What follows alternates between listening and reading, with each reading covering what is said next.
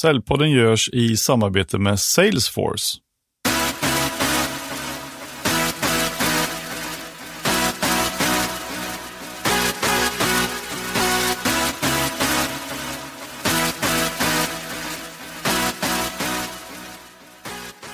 Idag har jag med mig Skandinaviens mest uppskattade säljinspiratör och föreläsare inom försäljning och motivation, nämligen Per Lange. Och du är känd för att både blanda humor och allvar i dina föreläsningar och bjuder väldigt mycket på dig själv när du är ute och pratar med kunder och har föreläsningar. Och nu är det ju också väldigt aktuellt med en helt ny typ av säljmetod som eh, snabbt tar reda på vad kunden egentligen vill lyckas med. Och det här tänkte jag vi skulle prata lite mer om, så välkommen till Säljpodden Per. Ja, tack Mattias. Superkul att vara här, verkligen. Jag tänker så här, innan vi kommer in på hela grejen här, hur kom du egentligen in på försäljning överhuvudtaget från början? Ja, jag har berättat det många gånger, men jag såg en annons i tidningen där det stod så här, säljare sökes, ingen utbildning behövs, ingen erfarenhet krävs. Jag tänkte, det där är min profil. De letar efter. Så jag var snabb på luren eh, och gick iväg eh, lite skeptisk, men eh, blev förälskad. Ja, och vad är det med sälj som du gillar så mycket då?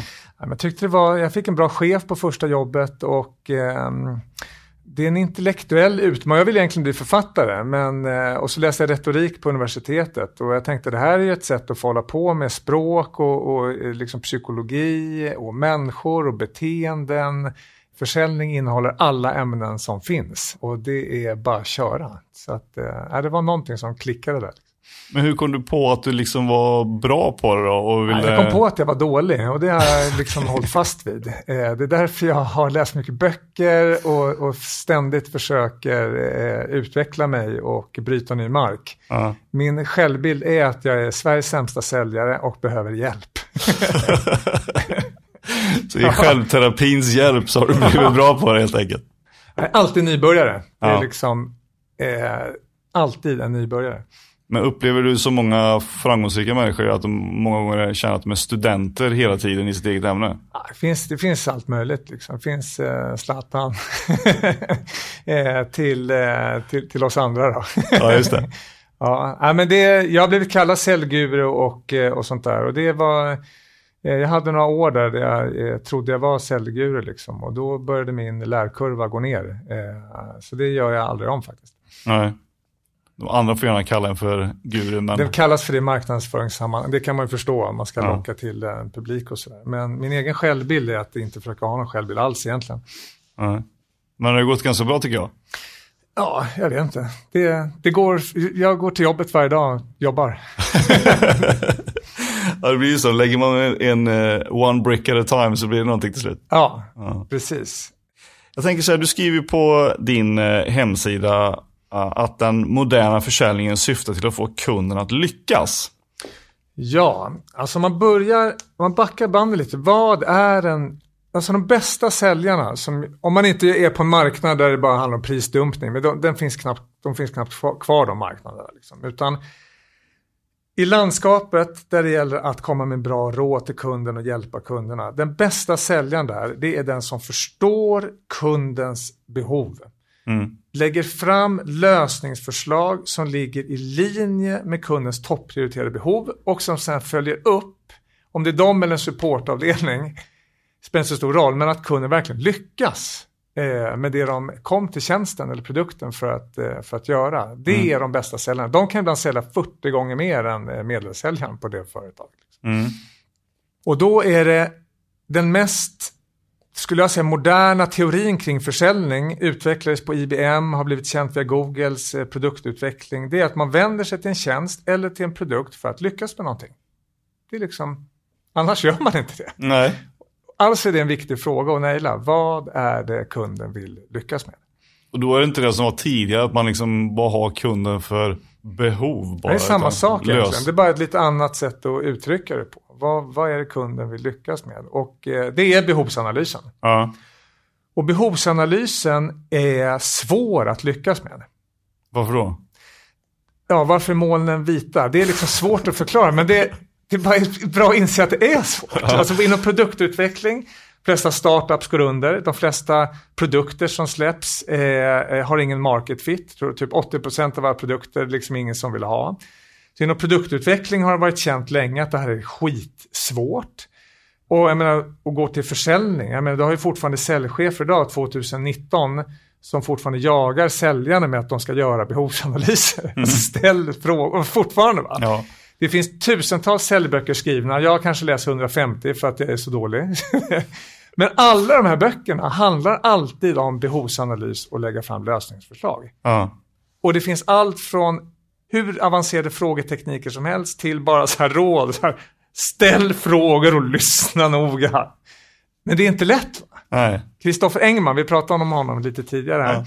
Megadeals eh, eh, Engman. Eh, han har gjort massa intervjuer med säljare och med kunder och han eh, kom fram till slutsatsen att kunder har svårt för att verbalisera sina behov.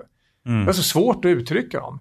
Och en av anledningarna till att det här är så svårt för oss säljare är att kunden blandar ofta ihop behov och lösningar. Mm. Mitt favoritexempel är en kund säger vi behöver ett CRM-system. det är inget behov, det är en lösning på någonting. Mm. Men du kanske kan kränga iväg det där CRM-systemet utan att fatta vad de vill lyckas med. Mm. Eh, men sen eh, strular det till sig i supporten sen, eller customer success. Vad vill de ha det här till? Det, det fick du aldrig fram. Nej. Det är det som jag är på nu, det som jag har blivit lite besatt av. Det är att vi måste komma längre där och förstå vad vill de med CRM-systemet och kunna naila det ordentligt. Mm. Så att det blir korrekt och precis uttryck så att det kan följa med hela kedjan. Från säljmötet till presentationen till customer success. Mm. Annars så följer det upp kunden med är ni nöjda? Kan ni rekommendera oss? Mm. Men inte, det här ville ni lyckas med, hur går det? 1-5. Då är du on target i customer success. Och då får du nöjda kunder och då kan nöjda kunder rekommendera en och då kan man börja jobba mer med referrals. Mm. Så det är en, en approach. Jag skulle säga att det finns två approacher i försäljning. Det ena är att det, det är, man säljer till kunden och hoppas de blir nöjda. Och den andra är att man verkligen vill hjälpa dem att lyckas. Och jag säger ja. inte att det ena är bättre än det andra. Jag är bara intresserad av det andra. Ja, ja. men jag tänker att många gånger har det varit så att, liksom, att man utgår ifrån sig själv väldigt många gånger i försäljning. Alltså vad bolaget gör, produkten gör, vad lösningen gör. Så att argumentationen och liksom presentationen av hela, i ett säljsamtal blir oftast liksom, det här är vi och nu ska vi argumentera för varför ni ska använda oss. Istället för att vända på det, vem är du? Ja. Och vad vill du göra? Ja, och det är också en anledning till att det är svårt, det är att säljare är så himla heta på gröten. Så fort mm. det bara luktar ett behov så bara, där kan vi lösa, eller Och så är man inne i, i presentationen. Liksom. Och jag tror att det gäller att bli ödmjuk där. Att det är svårt, det tror jag är första steget. Att, att verkligen fatta det. Kristoffer Engman pratat länge om det. Han bara, det är extremt svårt att förstå de bakomliggande drivkrafterna. Det är det vi är pionjärer på, att eh, lyckas med det här. Men vad är på ett enkelt sätt. Vad är det problemet egentligen? Det att man har så eh, dåligt uppsatt eh, KPI eh, underlag i bolag som man inte riktigt vet vad man ska sträva efter eller att alla har olika agender eller att man inte riktigt vet hur man ska lösa olika saker på riktigt. För kunden tänker du eller? Mm. Eh, ja, det kan det vara. Det, det, är svårt att verbalisera behoven. Eh, framförallt på ett möte där det är lite stressat, det sitter en säljare där och det är lätt att du börjar i fel ände. Alltså det är, mm. Jag vet inte riktigt varför. Det är bara svårt. Ja. Det är bara svårt. Det är klart, eh, frågar om CRM-system och du frågar alla organisationer ja. så har säkert alla olika svar på varför man ska ha ett. Ja, och det är det som är, man, man vill lyckas med olika saker. Och den här metodiken som jag är intresserad av, då, det var ju IBM som eh, kom på för, för 20 år sedan. De hade ju precis släppt sin tredje miljarddollar-satsning som gick åt eh, skogen. Eh, och då blev man ödmjuk där och tänkte att äh, men vi kanske inte har koll på kundbehoven. Det, det, började, det började med att man blev ödmjuk där. Och det var de som gjorde det här stora genombrottet, att eh, kunder vänder sig till produkter och tjänster för att lyckas med något. Mm. Och det hade vi inte haft koll på, vad de ville lyckas med. Så då börjar de tänka att vad, ska vi kanske börja samarbeta lite mer med potentiella kunder för att lyckas bättre? Ja, att vi tar reda på det. Mm. Vi tar reda på det. Och den här metodiken har blivit väldigt känd via Google då på senare år, för de använder den som produktutvecklingsmetod. Och vi är inspirerade av den. Och hela våran resa, eller min, jag pratar om, jag jobbar med en kollega som heter Peder Linder. Mm Det började också med ett fiasko faktiskt. Mm -hmm. eh, älskar fiaskon. då, då händer det grejer liksom. Vi blev inbjudna till, eller vi blev inhyrda då, som konsulter till ett av världens största företag. Ett bilföretag. Och eh, då skulle vi jobba med att stärka kvaliteten i kundmötet. Eh, mm. Och få kammarna att eh, fatta de här drivkrafterna på riktigt. Och då låste vi fast sådär att vi nöj, för det var precis som där vi behöver ett CRM-system så kan en kund säga vi behöver miljövänliga bilar. Mm. Men varför? Liksom? Vad, vad är drivkrafterna? Och vi höll på med all upptänklig säljteknik. Jag tror vi körde in allt från spin selling till solution selling, DABA selling, du vet rubbet. Liksom. okay. Efter 20 timmars coachning så hade vi fått fram noll drivkrafter. Noll varför man ska använda miljöpol ha miljöpolicy och köra miljöbilar? Ja, liksom noll. Det var, det var kunderna, det, det gick fel hela tiden. Liksom. Och det har vi testat i andra branscher också, att om vi låser fast vad vi menar med ett behov. Att ett behov, alltså en drivkraft, det är, nu läser jag till det, något viktigt du inte kommer lyckas med på ett tillfredsställande sätt utan att göra en förändring. Om det är det vi menar med behov. Så mm. du kan inte komma till säljcoachen och säga lack of CRM-system är behovet. Nej. Eller det, En kund har aldrig det finns ingenting man vill lyckas med att skaffa ett CRM-system. Det är, är du med? Ja. Det är ingenting man vill lyckas med. Det kan, painpointen kan aldrig vara lack of CRM-system. Och det är samma sak här då med bilarna. Att eh, vi, vi, fick inte fram det. Då märkte vi att så här, vanlig säljteknik klarar inte av den här logiken. Det kan finnas en och annan stjärnsäljare som fixar det här. De, de, de finns, jag vill inte säga att in, men de flesta gör det faktiskt inte. Det kan vara grundarna av företaget som är sjukt insatt vad är det kunderna försöker trassla med. Han säljer fortfarande, eller hon, bäst efter 20 år. Det kan mm. vara finnas vissa stjärnsäljare som säljer så 30 gånger mer än andra. De lyckas med det här. Naila drivkrafterna och lägga fram förslag och följa upp. Eh, men då hittade vi, då började vi titta på vad gör man de bästa behovsanalyserna i världen? Och det är inte inom försäljning utan det är inom produktutveckling. Okay. Och det var den, den produktutvecklingsmetod Google använde. Med. Och då började vi pröva det. Då gjorde vi intervjuer med kunder. Satte oss ner i lugn och ro. Var fick Google det ifrån då? De fick det från, för att det är en ny guldstandard i Silicon Valley, det här sättet att jobba på i produktutveckling. Det tar okay. alltså ett produktutvecklings... Chansen att lyckas och ta fram en ny produkt som har en market fit går från 17 till 86 med det här sättet att jobba på. Så det är en ny guldstandard mm. i Silicon Valley. Intercom, du vet som har blivit miljardbolag, de gick knackligt tills de började jobba med vad jag kunde egentligen försöka lyckas med. La upp det på hemsidan och sen blev de miljardbolag. Så det, det har verkligen slagit igenom inom produktutveckling och nu börjar det komma inom försäljning såklart. Mm. Mm.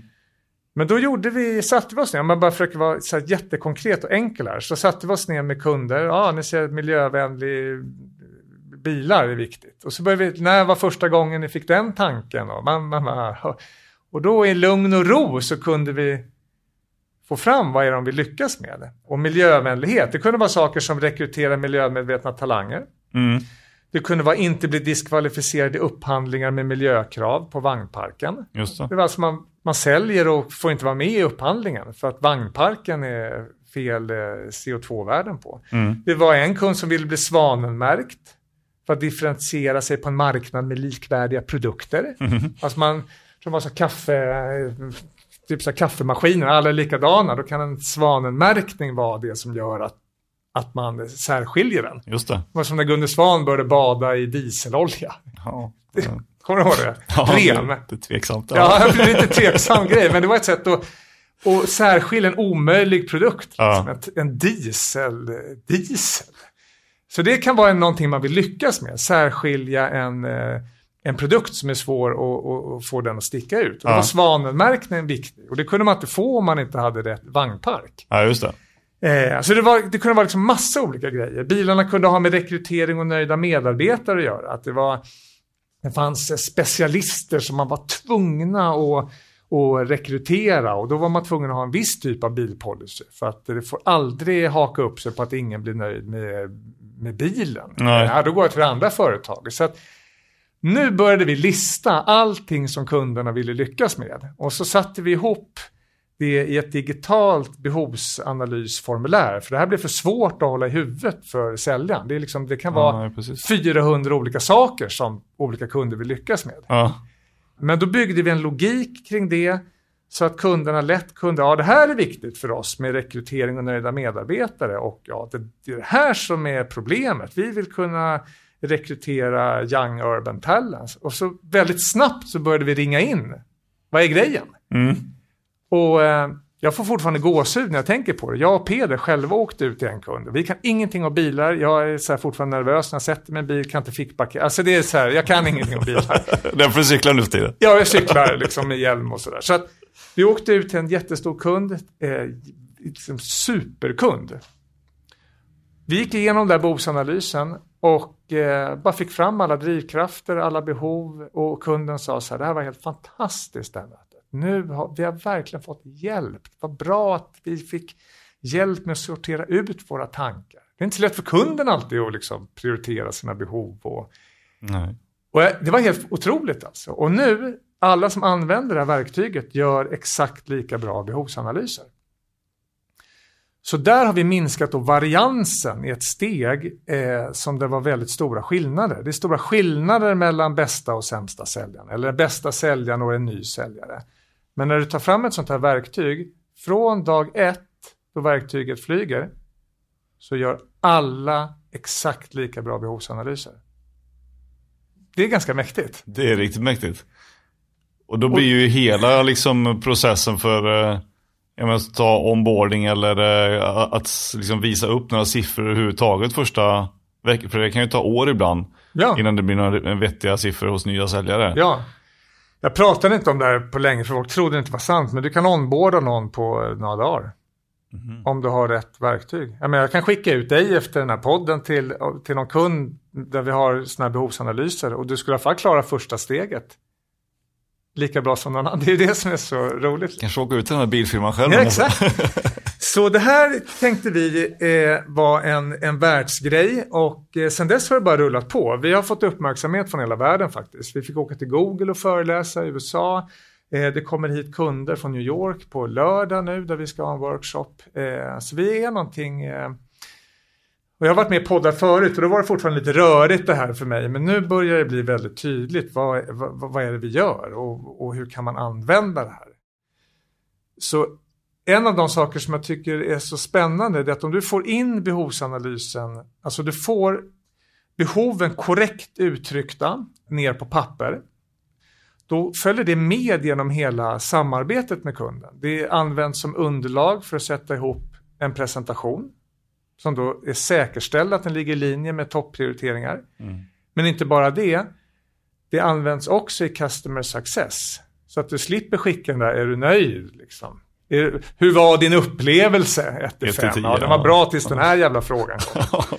Nu kan du ju, här var det du ville lyckas med. Och då, då kan hela support och utbildning vara on target direkt. Så Mm. är du med? Att kundbehoven följer med hela, hela resan. Det. Och efter ett halvår in i, eller eh, något år in i samarbetet så gör man om behovsanalysen. Det är inget konstigt, det tar ju bara 4-5 minuter att göra nu. Och då kan man se att nya behov har tillkommit, andra har blivit mindre viktiga. Och då säkerställer att du hela tiden förstår kunden. Mm. Och så kan man lagra behovsdatan. Det kan du inte idag. Jag vet inget system som är på den pucken just nu i hela världen. Man Efter- kan lagra behoven hos Ja, du lagrar behoven Nej. per enskild kund. Så det kan du inte, det hittar du inte i dagens CRM-system. Du vill hitta men du hittar inte. Nej. Träffade en kund igår, för vi hade en ny säljare som tog över en annan säljare. Vi gick in i CRM-systemet för att den ska lära känna kund. Du hittar allt utom korrekta beskrivningar av kundbehoven. Du hittar att kunden var i Dubai förra, liksom, ja det är ju trevligt inleda med, men sen då? Så det här, eh, vad vi är pionjärer inom nu är någonting som kallas, vad vi kallar för Customer Needs Management. Det är Mm. att du styr hela säljet eh, utifrån eh, kundbehoven. Och de är korrekt och precis uttryckta och alla kan förstå dem i alla led.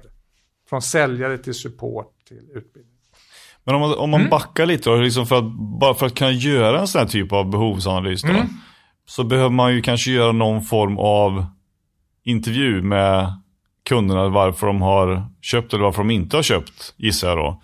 För Ja. att kunna få en förståelse för Eh, vad är det som vi gör så bra på den här firman som gör att det kommer nya kunder? Ja, Eller hur, hur ja, går det precis. till? Så att säga? Ja, första gången då gjorde vi ju djupintervjuer med alla och det, det var, då var ju vi nybörjare på det här. Då tog det nio månader Mm. för oss att sätta ihop behovsanalysen. Så trassligt var det. Okej. Nu, eh, och den tog eh, 45 minuter för kunden att fylla i. Den var väldigt ingenjörsmässig, ganska tungroddad. Ändå älskade de det, kunderna. Nu kan vi ta fram en behovsanalys på eh, några dagar. Okej. Och målet är att den ska ta fem minuter för kunden att fylla i, eh, fyra, fem minuter med bättre logik. Och då kan vi sitta faktiskt med, om det, vi kan sitta med kunder och intervjua dem, men det kan räcka med, när vi gör första versionen av formuläret, att man sitter ner med den där fantastiska säljaren som fattar kunderna. Det finns ju ibland en.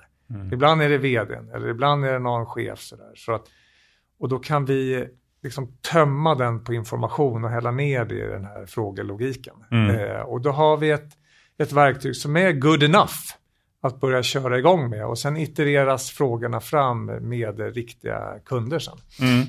Och då är ja, så det, det går, går fort nu. Liksom. Men gör ni liksom hela transformationen där med eh, för att få fram överhuvudtaget ett underlag som Ja. säljare kan använda? Ja, Mm. vi gör alltihopa. Vi, vi äger liksom formuläret. För det är jättemycket hantverk i det här nu. Liksom Mm. Hur man skriver, hur, man, eh, hur frågorna ska vara formulerade. Vi ska identifiera liksom alla problem som finns. Om du har ett mål, då ska vi identifiera varför, vad är problemen, varför når du inte det här målet? Mm. Då ska de vara skrivna på ett sätt som gör att du får identifikation. Liksom. Du ska känna när du läser den här problemställningen, bara, wow, det där är våran organisation, det där är jag. Liksom. Mm. Det ska vara den här enorma identifikationen. Ja. Och, och är det rätt formulerat då, då, då går det fort att fylla i det här. Men hur, hur går det tillväga? Om man säger att jag sitter på, som eh, vd eller försäljningschef på ett bolag här och så har jag hört talat lite grann om det här. Mm. Hur, och jag tar kontakt med dig, så kan du liksom hjälpa oss med Ja. customer need management här? Ja. Och, och var- vart börjar vi någonstans?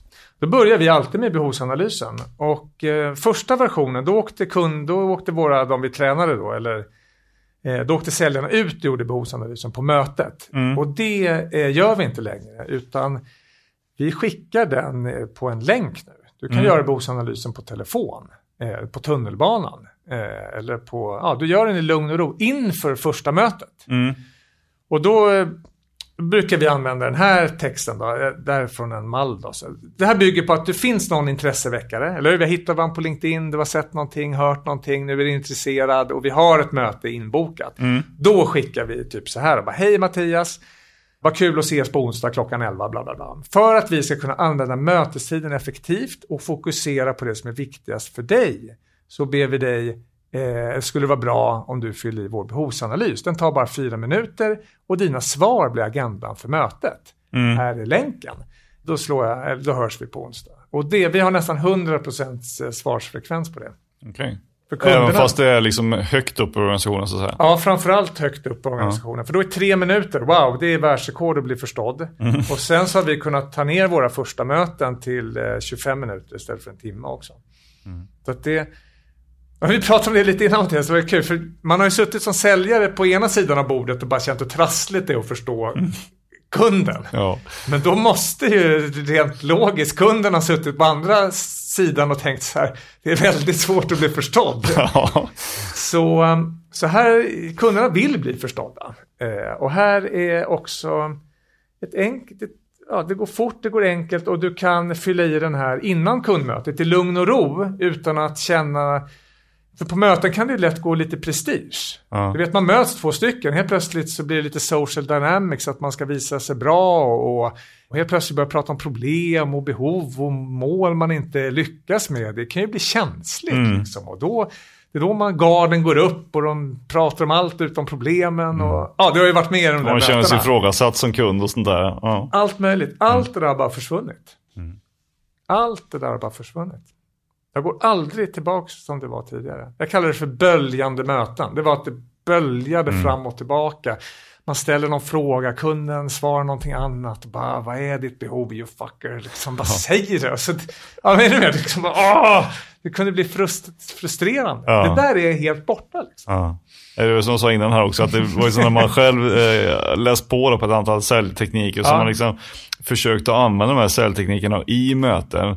Och det slutar med att det blir som en snitslad bana nästan. Att ja. Ja. men nu har jag kommit förbi den här, Ja. då, kommer, då ska jag gå dit. Och, det, och kunden då som kanske också säljer på samma sätt som jag. Han sitter och tänker så här, okej nu kommer den porten och sen så kommer nästa port och den här snitslade banan. Liksom. Det, det blir löjeväckande till slut. Ja. Istället för att bara sätta sig ner som två vuxna människor och säga, Ja. okej vi har ett problem och någonstans behöver vi mötas här och vi behöver hjälpa. Och samma sak från, från eh, säljsidan. Ja. Alltså, vi hjälper ju mängder med, med eh, eh, kunder med samma typ av, men vad är det som du vill lyckas med egentligen? Ja. Var öppen med det här så se om vi kan hjälpas. Annars eh, är det liksom ingen idé att vi försöker. Nej. ingen idé att jag försöker som säljare heller och sälja Nej. till någon som inte har ett behov eller som inte vill lyckas med någonting. Nej. Och vad vi märkte med öppna frågor, så du får inte fram det. Det är för mycket Nej. logik och för mycket, eh, det finns så- många olika aspekter av vad det är att lyckas. Så där behöver kunden hjälp eh, att reda ut det. Så Mm. att det här verktyget kan, skulle lika väl kunna användas som ett inköpsverktyg. Det är så transparent va. Så egentligen är det ett inköpsverktyg, skulle kunna användas av det. Mm. Och det tycker jag låter, det är schysst, för då är det, ja det är någon sorts win-win i det. Ja. Men hur, hur lyckas ni med det här som bara är två personer så kommer det mängder med företag som vill höra det här? Ja, man får stå i kö just nu då. Ja. Eh, och eh, vad vi, eh, vi har ju experimenterat nästan i två års tid med själva metodiken, kört av banan, gått in i väggen, gått fel, funkar inte. Fun- förstår du? Det, Mm. Så det har varit väldigt mycket utveckling i det här. Det är ju först nu sen några, några månader som vi känner att nu, nu eh, kan vi sätta det här med Mm. kunder. Så vi är inne med våra första kunder. Och vårat mål är inte nu att få väldigt, väldigt många kunder på kort tid, utan det är att få våra första kunder att älska oss. Mm. Det är målet. Det är bara customer success som gäller. Mm. Jag tror på det sättet att bygga bolag. Det är inte ett jättedåligt mål. Nej, det är, ja, och det är intressant. Det finns många företag som har massa kunder, men jag brukar få, har ni någon kund som älskar er, då är det så här, oh, oh, nej, de är rätt missnöjda allihopa. Så att det, det, det är inte, det, är- vi bygger det så. De projekten vi tar in, då är, om inte kunden älskar oss så tar vi inte betalt, utan då avbryter vi projektet om det blir för svårt eller så. Så, Mm. så eh, det är målet nu. Lyckas med de kunderna vi har. Men man får gärna höra av sig och det går ju fortare och fortare för oss. Så. Mm. Absolut. Men hur, hur lång tid tar det från, du sa att det är några dagar nu då som det gäller från Ja. att, att ni gör intervjuer med befintliga kunder eller hur börjar det så att säga? Ja, vi börjar ofta med den som kan kunden bäst på företaget. Som Mm. jag sa så finns det ofta någon som har fattat det här. Eh, och, och då häller vi ur den informationen in i det här frågeformuläret. Mm. Så vi kan ofta börja internt och få fram en, en hyfsat bra version på bara några dagar. Ibland en dag. Så fort går det nu. Och sen så gäller det att så fort som möjligt gå ut till riktiga kunder och testa. Fatta de frågorna, funk, känner de igen sig i problemen. Eh, så formuläret blir bättre och bättre för varje kundinteraktion. Det är också någonting som är häftigt med det här sättet att jobba på. Eh, om vi tar fram ett frågeformulär för dig då eh, och så går du ut eh, med dina säljare och så är det en av säljarna som stöter på någonting. En grej som kunden vill lyckas med eller ett problem som inte finns i formuläret. Mm. Då uppdaterar vi det formuläret. Så dagen efter så finns det en behovsanalysfråga med i alla formulär. Mm. I alla länder, på alla marknader. Man behöver inte vänta till kickoffen i augusti för att få höra det nya inom sälj, utan det uppdateras direkt. Liksom. Ja. Så det är också en häftig grej. Så det här funkar ju väldigt bra när man har säljare i många olika länder.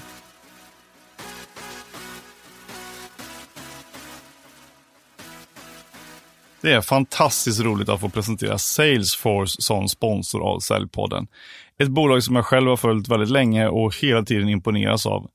Jag menar, att få utmärkelser som mest innovativa bolag, Europas bästa arbetsplats, mest beundrade företag och såklart då bästa CRM-verktyg säger ju någonting om det här företaget. Jag fick en väldigt bra känsla när jag träffade dem där på deras kontor för några veckor sedan. Och förutom alla utmärkelser så hjälper de varje dag över 150 000 bolag runt om i världen att lyckas bättre med sin försäljning med hjälp av deras CRM-verktyg. Och de hjälper dig att koppla samman alla skräddarsydda tjänster de har i ett stort ekosystem som underlättar både för säljare, marknadsförare, säljchefer och företagare i hela vårt land att nå sina mål och ha koll på sina processer. Och om du också vill få hjälp med att få kontroll på dina kunder och din försäljning och din marknadsföring, ja, då tar du kontakt med någon av Salesforce medarbetare på deras största event som kommer gå här i Norden, som heter Basecamp Stockholm, som hålls på Waterfront den 9 april. Eller så går du redan nu in på salesforce.se för mer information om eventet.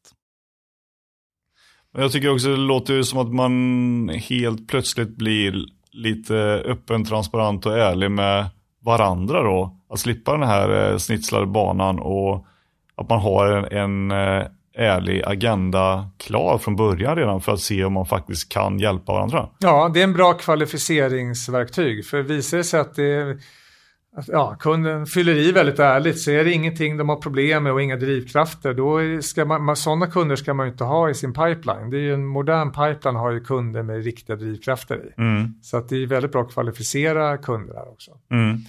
Så det är helt enkelt, jag tycker det är väldigt spännande och det som säljer nästan som sista fältet där man verkligen styr upp kvaliteten nu. Det har varit, mm. det är vilda västern mm. fortfarande. Så där påminner, det vi håller på med, och vi är inte ensamma i världen om det här, men, men eh, om man tänker sig, förut var det vilda västern inom tillverkning. Om du backar bandet så var det ju, då gick bilar sönder, man tog fram eh, liksom för många bilar i fel tid och ja, det var ju innan Toyota Production System mm. kom Olin, mm. styrde upp, det tog lång tid men nu eh, så går bilar inte sönder och man, det kommer, man producerar rätt antal bilar. Man har fått i ordning det där. Mm. Och anledningen till att det var som kaos där i början det var att man hade ställt sig fel fråga. Om du och jag har en bilfabrik och så har vi köpt en maskin för 100 miljoner dollar. Då är den naturliga frågan är då hur kan vi få maximal nytta av den här maskinen? Precis. Och vi ville att den skulle gå dygnet runt. Ja. Men det visade sig att det var inget bra för liksom helhetsprocessen. För då kanske vi producerade för mycket i den maskinen och då blev det strul senare. Och ja. sen, så den rätta frågan var hur kan vi öka kvaliteten genom hela processen? Det var ju så lean startade någonstans. Mm. Sen styrde man upp eh, Process Management med Sig Sigma, eh, startade på Motorola 86. Eh, och då fick man, och det var samma fråga där, hur kan vi öka kvaliteten? Och sen så kom det till innovation och produktutveckling och där har man också pratat om genier och eh, så magiska ögonblick, man bara ser den nya produkten. Men nu har ju IBM och Google, de, liksom, det ordnats upp det där med den här metodiken. 86 mm. procents chans att ta fram nya produkter som flyger. Det är nästan 100. Va? Det är, så det är ordning och reda där. Och sälj är sista fältet som börjar styras upp nu. Och där har man också använt fel fråga. För där har man använt frågan hur kan vi öka säljet? Ja.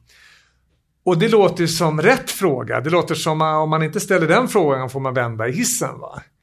Men den rätta frågan som jag tänker mig det är liksom hur kan vi öka kvaliteten i alla steg i säljprocessen så att det mm. gagnar kunden då är det inte den här tävlingen till Las Vegas som är det absolut viktigaste, utan okej, okay, behovsanalysen, hur kan vi öka kvaliteten i den? Jo, vi kan verkligen jobba igenom den på det här strukturerade sättet så vi nailar vad kunden försöker lyckas med, vad är problemen och när vi har tagit fram ett sådant verktyg, ja, då har vi minskat variansen.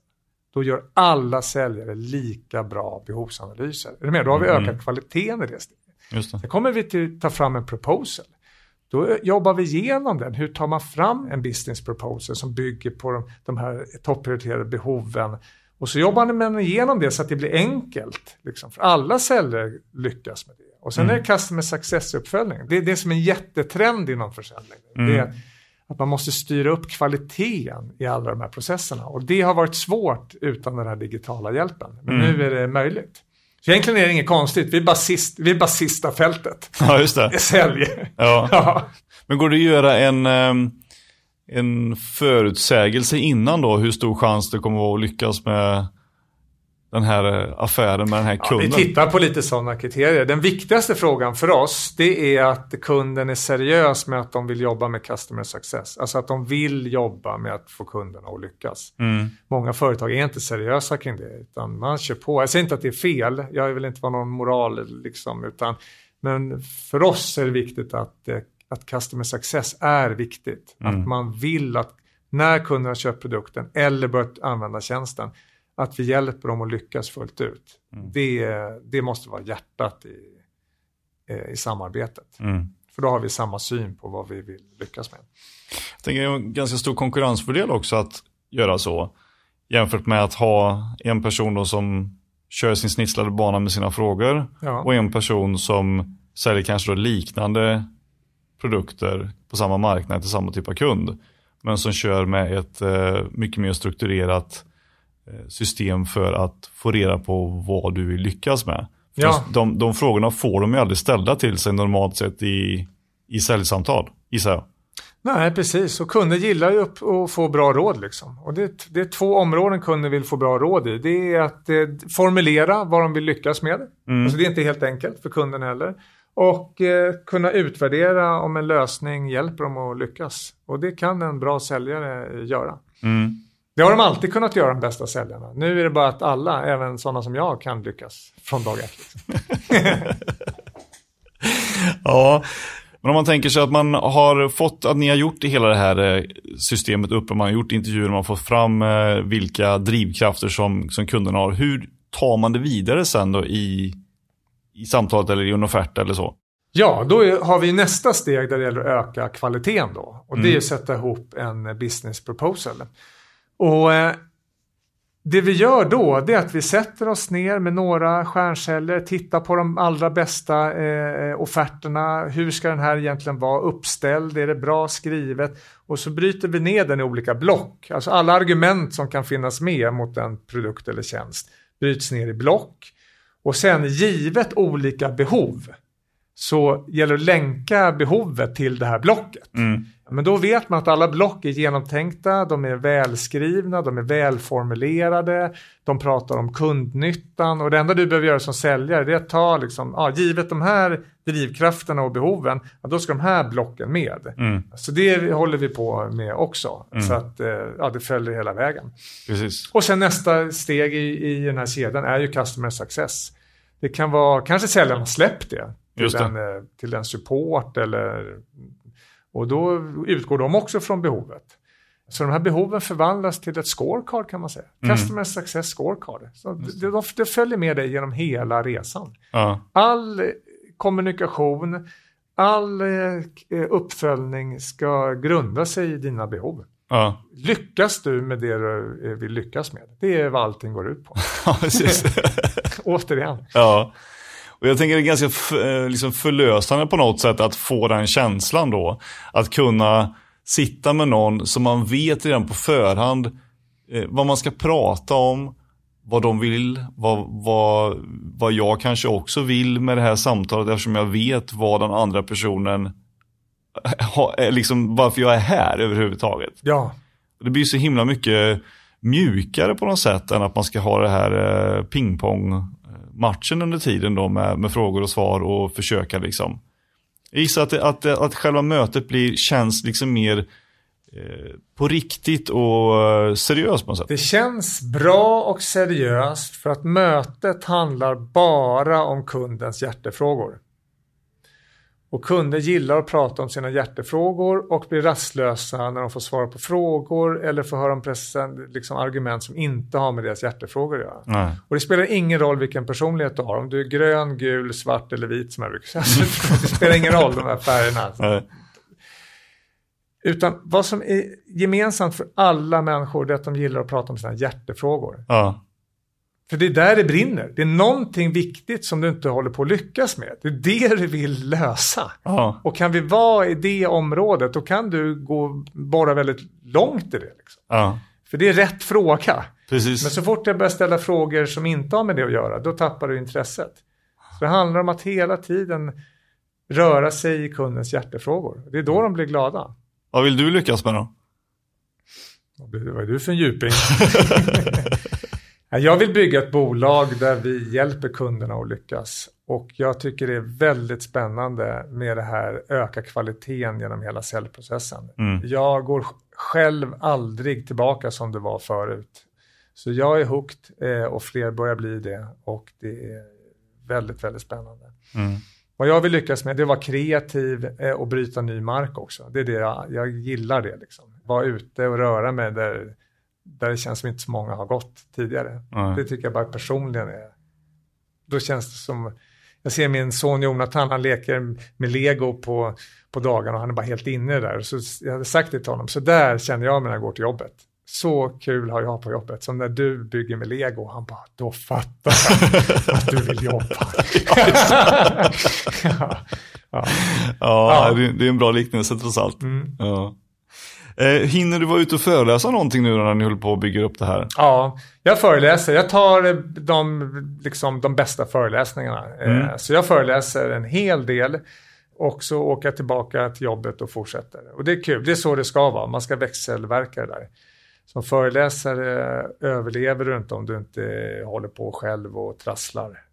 Det, det, det, helt plötsligt, jag har sett föreläsare som åker runt med en perm och helt plötsligt är den permen ganska gammal. Mm, eh, och det är helt ointressant att lyssna på. Också. Så jag försöker föreläsningarna ta vad jag håller på med eh, liksom nu mm. eh, och gör det kul och roligt och, och spännande.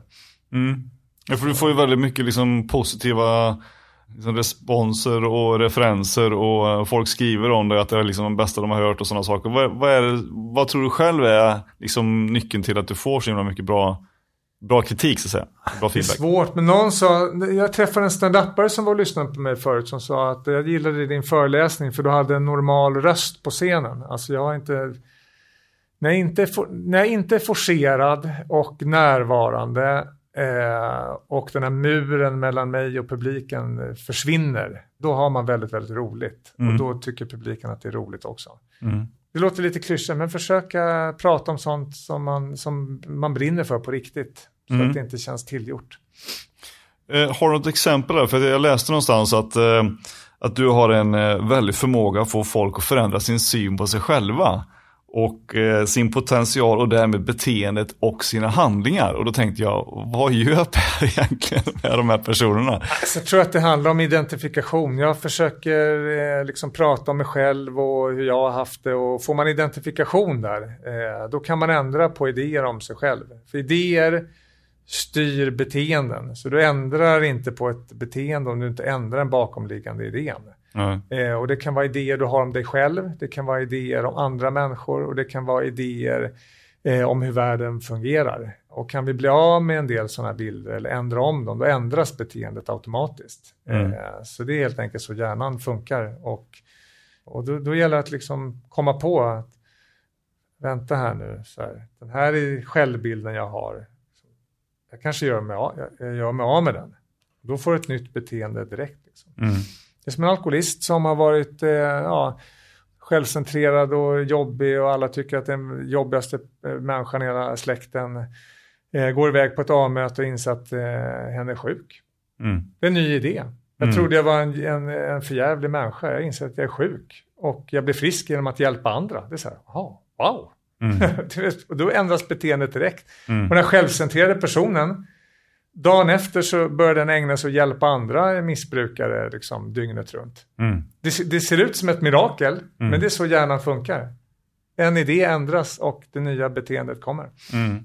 Och då blir det lite grann samma sak som med det här systemet kan man säga. att en helt ny idé om hur man ska få reda på hur den som sitter framför, det vill säga kunden, vill lyckas med saker. Ja. Och då blir ju beteendet också förmodligen därefter och då kommer man se andra resultat i sin försäljning gissningsvis. Ja, det är en bra början. Sen märkte vi att bara den här inställningen att nu ska jag ta reda på vad kunden vill lyckas med hjälpte inte. Logiken var för krånglig, det, det finns för mycket olika aspekter av vad kunden vill lyckas med. Eh, så man behövde ett verktyg mm. eh, för att eh, klara det rent eh, med logik. Det är alltså rent matematik. Mm. Det finns för mycket kunden kan vilja lyckas med och mm. olika problem kopplas. Det går inte att hålla i huvudet. Nej, precis. Man behövde ett sån här typ av system. Ja, det var liksom den andra pumpen vi gick på. Vi förstod först att vi var, man ska ta reda på vad kunden vill lyckas med och alla problem relaterade till det. Och sen den andra pumpen vi gick på var att det går inte med vanlig säljteknik. Du behöver ett hjälpmedel. Mm. Det är alltid bra, man behöver hjälp. ja, Ja. jo men så är det ju. Jag menar, Ja. Alla försöker på något sätt lyckas med, med sin försäljning. Han Ja. går till jobbet varje dag och försöker göra sitt bästa. Ja. Men om inte liksom vare sig företaget man jobbar på eller cheferna man har eller jag själv som säljare försöker lära mig och Ja. anamma nya saker Ja. och försöka implementera det i mitt sälj. Ja. Det, kan menar, det kan ju räcka med att du har varit på en, en säljträning kan man säga. Då. Ja. Eh, om du inte ändrar någonting så är ju den säljträningen helt förgäves. Exakt. Och, och eh, vill man inte liksom anamma någonting av det man försöker lära sig eller det som företaget vill eller eh, att företaget orkar också att driva igenom förändringar. För men det här är ju ett annat sätt att se på, ett annat sätt att jobba på än vad man gjorde sedan tidigare. Ja, och enklare. Mm. Enklare och mindre krävande. Mm. Det är det, är det som är så skönt. Vad skulle du säga är den stora, stora skillnaden då jämfört med att använda något annat system för det här eller framförallt kanske bara köra själv? system. Nej. Den stora skillnaden för mig det är det att jag slipper, som jag sa lite tidigare, jag har kallat det i flera år för böljande möten. Mm. Vet jag, jag, jag fattar inte kunden och kunden känner sig inte ifrån. Det böljar fram och tillbaka. Man, eh, det, det har upphört. Mm. Jag har inga sådana möten längre. Det Mm. är helt fantastiskt. Och sen kan behoven följa med genom hela samarbetet. Ja. Alla som har behörighet kan, kan gå in och titta. Vad är kundens eh, topprioriterade behov? Ja. Det finns ingenstans idag. Det fin- du hittar inte sedan. Det, det är det som är customer needs management. Det är att från och med nu så kan vi ha koll på samtliga våra kunders topprioriterade behov. Jag menar, vad är inte det värt? Nej, Det är precis. fantastiskt. Om man då eh, lyssnar på det här och tänker att eh, fasen det här är precis vad vi behöver. Hur, hur kan, man, kan man läsa mer om det och förstå det bättre innan man ringer till dig? Vet du vad vi kan göra? Vi lägger upp vårt behovsformulär i din eh, podd. Ja, Så kan man gå in där, fylla i den, ta 3-4 minuter, vi får reda på dina topprioriteringar och sen så hör vi av oss så fort vi har fått in formuläret. coolt. Det kan vi göra. Ja, det kan vi göra. Absolut. Ja, sen är jag väldigt, väldigt lättillgänglig. Jag finns på LinkedIn, jag finns på Facebook, jag finns på Tinder eller på säga. Nej, inte längre. Eh, men eh, i alla fall, så att där, är- det, det är lätt att komma i kontakt med mig. Men fyll i formuläret Ja. och eh, så hör vi av oss. Coolt. Ja. Avslutningsvis då, en sista sak. Om du bara får ge tre saker till alla säljarna där ute nu för hur de ska kunna lyckas lite bättre med sin försäljning under 2019. Ja. Vad skulle det då vara? Ja. Ett. Bli nyfiken på vad kunderna vill lyckas med och vad de har för problem som gör att de inte lyckas idag. Två. Bli ödmjuk om att det är svårt alltså, med behovsanalys och sätta ihop lösningsförslag. Mm. Så man inte tror att man är liksom bra på det här. Det är bättre att inse att det är man är dålig och behöver mer. Det är då det utvecklas. Liksom. Lite, lite humbleness där. Mm. Och tre, eh, börja meditera. För då blir du närvarande i kundmötet och det är den hemliga ingrediensen i möten mellan människor. Det är närvaro. Så det har förändrat mitt liv, men det får vi ta i en annan podd. Men meditera. Ja. Det- är faktiskt någonting som man behöver ganska många gånger reflektera över sitt, över sin situation. Det kan man oftast göra inom meditation. Så att, eh, superbra tips. Så stort tack för att du tog dig vara med Säljpodden Per. Ja, men tack, det var hur kul som helst och du bara ledde det. Det var jättekul att vara med. Tack. Och lycka till här nu med Customer Need Management-systemet. Ja, ja. Grymt. Yes. Bra!